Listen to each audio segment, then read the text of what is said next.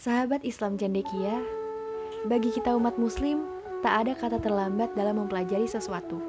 Selama kita yakin dan memiliki kemauan, pasti Allah akan memberikan jalan. Seperti kisah salah satu sahabat Nabi yang bernama Abu Darda. Beliau dikenal dengan sosok yang ahli hikmah. Salah seorang temannya bernama Abdullah bin Rawahah adalah seorang muslim. Ia juga merupakan sosok yang ikut berjuang dalam perang Badar. Tapi Berbeda dengan Abu Darda, ia tetap bertahan dengan kemusyrikannya dengan menyembah berhala. Setiap hari ia selalu memberikan wewangian pada berhala yang ada di kamar rumahnya. Lalu, secara diam-diam, Abdullah bin Nawahah muncul dan menghancurkan berhala Abu Darda sampai berkeping-keping. Pada saat itu pula akhirnya ia menyadari bahwa kemusyrikannya lah tidak benar walau pada awalnya sangat marah kepada Abdullah bin Rawahah. Di saat itu pula, Abu Darda ditemani oleh temannya menemui Nabi untuk masuk Islam. Ia sungguh menyesal karena telah terlambat menjadi seorang muslim. Lalu setelah itu, gaya hidup Abu Darda berubah total. Ia juga memilih untuk hidup zuhud. Mengurangi aktivitas bergadangnya juga ia lakukan agar lebih fokus menghafal Al-Quran dan beribadah. Pada masa kepemimpinan Khalifah Umar bin Khattab, Abu Darda pernah ditawarkan jabatan yang tinggi di Syam.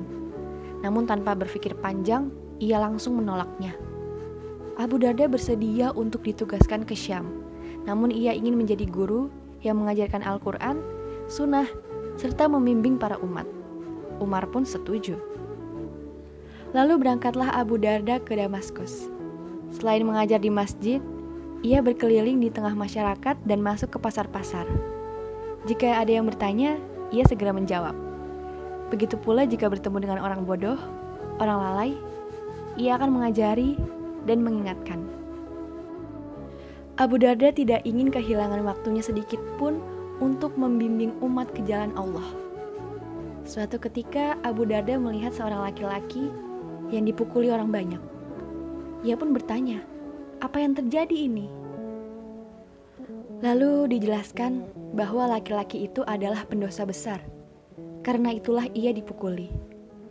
Lalu dengan tegas Abu Darda bertanya, "Jika kalian melihat orang yang jatuh ke dalam sumur, apa yang akan kalian lakukan? Bukankah kalian akan membantu mengeluarkannya dari sumur itu?" Mereka pun menjawab, "Tentu saja." Lalu Abu Darda menjawab, "Oleh karena itu, janganlah kalian memukulinya, tapi berikan dia nasihat dan sadarkanlah dia." Lalu mereka bertanya, "Apakah engkau tidak membencinya?" Kemudian Abu Darda kembali menjawab, "Saya hanya benci perbuatannya. Apabila dia telah menghentikan perbuatan dosanya, maka dia adalah saudara saya." Mendengar perkataan itu, para pemuda akhirnya termenung dan berhenti memukuli si pendosa itu.